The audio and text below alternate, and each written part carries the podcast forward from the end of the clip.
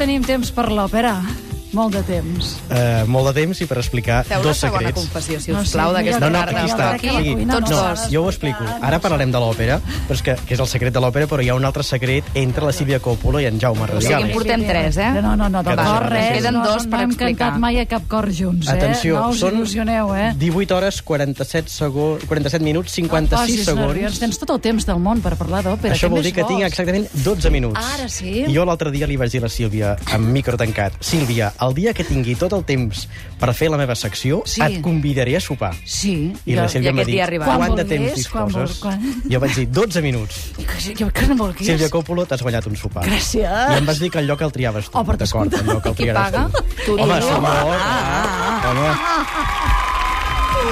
El que vulguis, només has de demanar. d'acord. Així m'agrada. Som-hi. La setmana que ve també, no? Però això no Sí. vol dir que et convidi a sopar cada Ah, setmana. no vols convidar a sopar Bueno, ja cada en parlarem. setmana? Depèn ja de com vagi el primer sopar. Oh, que veus? Que ho sents, això? Com t'ho prendries? Clar. No saps mai com t'ho has de prendre, Sílvia, també t'ho Exacte. dic. Si de cas ve.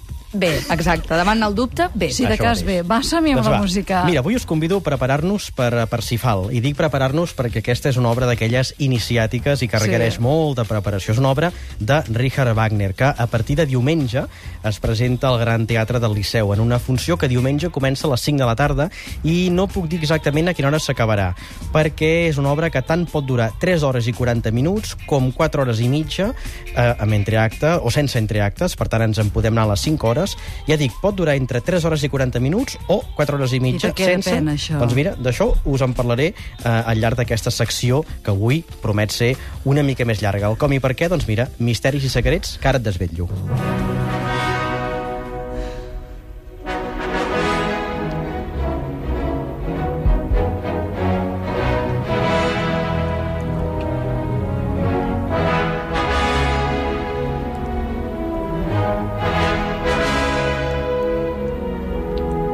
Tu aniràs, Sílvia, a veure el Parsifal o no al Sí. Liceu? Sí? Molt bé. Sí. Doncs mira, us explico. Aquesta és una obra que es va estrenar el 1882, un any abans de, de la mort de Richard Wagner, i és l'obra que culmina el projecte artístic de Wagner, una obra que es va estrenar al Festspielhaus de Bayreuth, que és eh, un teatre que és també d'alguna manera la realització artística de Wagner, que no era només un compositor, sinó que era un home que concebia les obres en funció del lloc on s'havien de representar.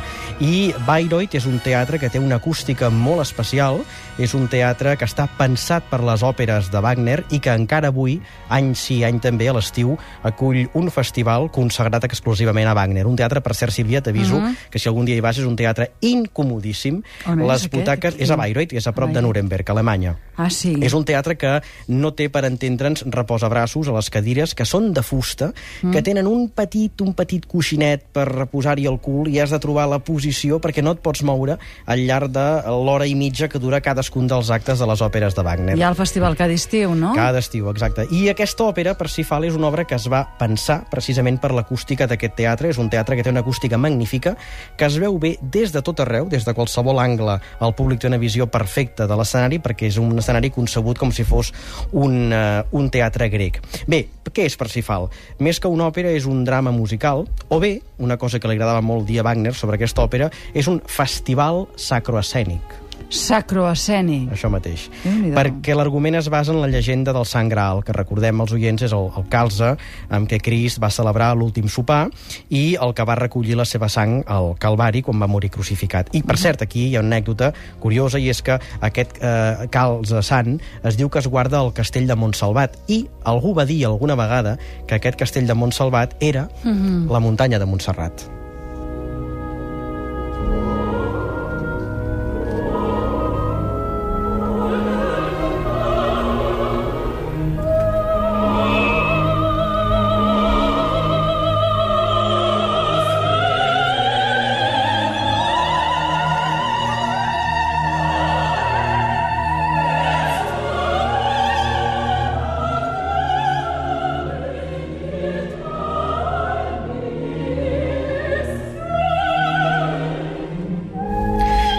Aquesta és una obra que, a més a més, obsessionava d'una manera molt especial Adolf Hitler. És ben sabut que eh, Wagner és un compositor pel que pels nazis Sí. tenia una simbologia molt especial.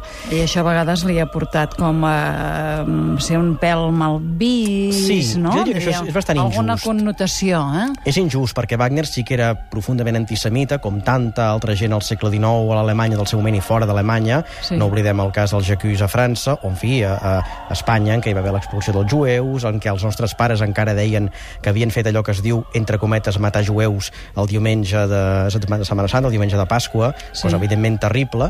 Aquest anti- antisemitisme era latent a l'Europa del moment i Wagner es va impregnar també d'aquest antisemitisme. És clar, Hitler era una persona obsessionada per Wagner, el va utilitzar o el va mal utilitzar, cosa que ha fet que actualment a Israel no es toqui ni es canti Wagner, que penso que és una mesura, diguem, injusta, perquè Wagner, en certa manera, no té cap culpa, ni de l'Holocaust ni del que s'esdevé. Clar, i que finalment no tanques les ferides fins que no pots començar a tractar amb normalitat a, a, a, allò que t'ha estat uh, difícil, no? Exacte. Si no, no hi ha cap mena de possibilitat de reconciliació. No. Tot i que puc entendre que hi hagi molta Sí. gent que avui encara plori quan Tu sent diràs. Wagner, perquè Wagner sonava als camps d'extermini, i els supervivents encara hi són, i els fills dels supervivents, Sí, o els sí. nets, i per tant això ho puc Això sí, entendre. és humanament, sí. Però bé, aquesta òpera, Parsifal, per aquest element, diguem, sacroescènic, obsessionava els nazis fins al punt, com deia abans, que el mateix Heinrich Himmler, un dels eh, personatges indispensables de l'Alemanya nazi, va visitar el monestir de Montserrat als anys eh, 40, va preguntar als monjos si allà tenien el Graal, i el, li van dir els monjos que, que no, que de Graal poc i, i que de Montsalvat menys, perquè Montsalvat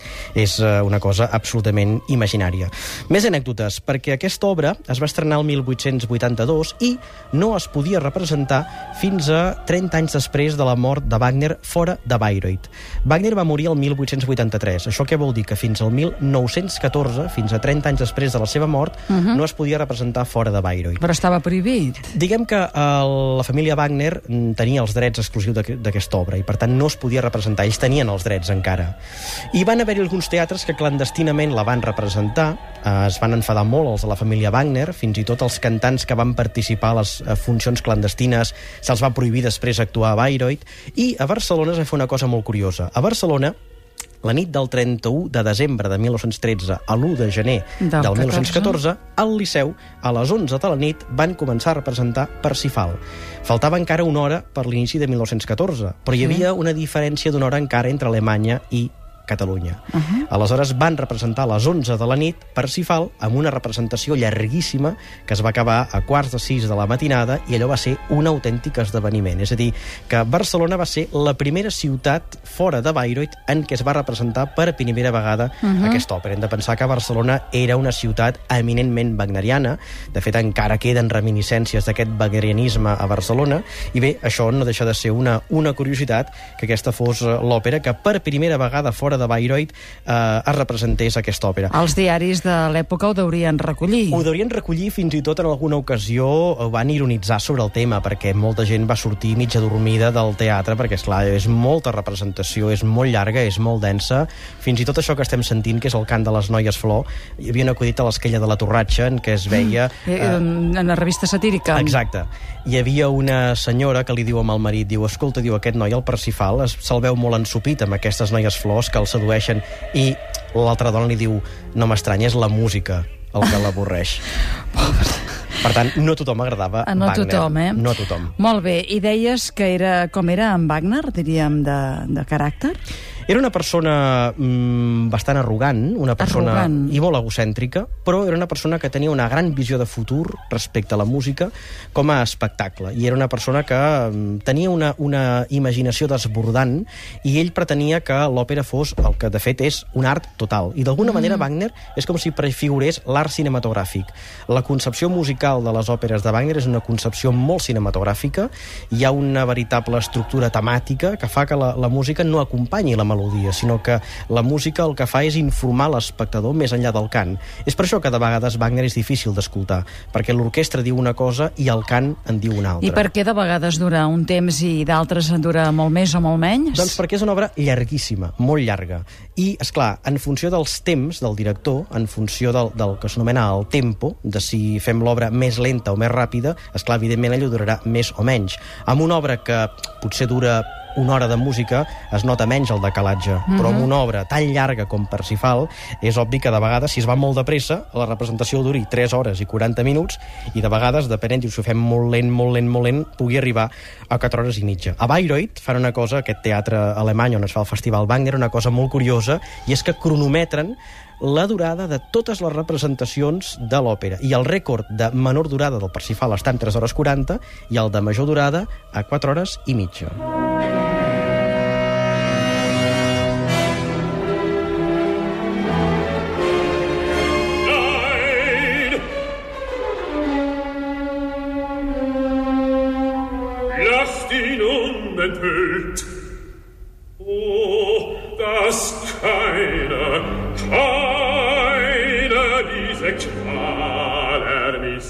Què està passant?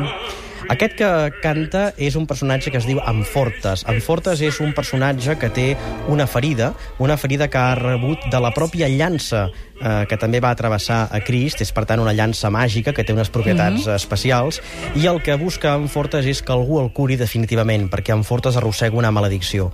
Llavors, què explica l'òpera? Parsifal explica l'òpera d'un personatge, que acabarà sent Parsifal, que és un personatge que és un home que no sap ni qui és, ni d'on ve, ni cap on va, és un inconscient, un perfecte inconscient, i arriba, sense voler, que s'han signes, a un lloc eh, on es eh, consagra sempre, cada any, eh, el Sant Graal, i es, es mostra la llança, la llança d'en Fortes. Aleshores, se li demana que vagi a complir una missió.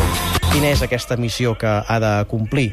Finalment, el que haurà de fer és curar la ferida d'en Fortes. I com es pot veure Parsifal? Uh -huh. Es pot llegir en clau simbòlica. Parsifal explica el procés de coneixement d'un individu, el procés de construcció d'una identitat. És, per tant, una obra iniciàtica que, més enllà d'un argument més o menys neomedieval, uh -huh. el que explica és el procés de coneixement de la persona, el creixement personal d'una persona.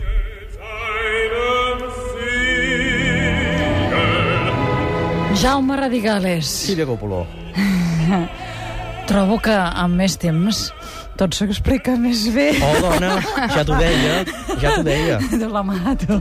I la setmana que ve, Què? a banda que us parlaré dels contes de Hoffman que representaran Sí. a Sabadell, també us parlaré de la temporada 2011-2012 Sí. del Gran Teatre del Liceu, perquè dilluns 21, l'endemà del Parsifal, es presenta la nova temporada. Gràcies, Jaume. A tu, Sílvia.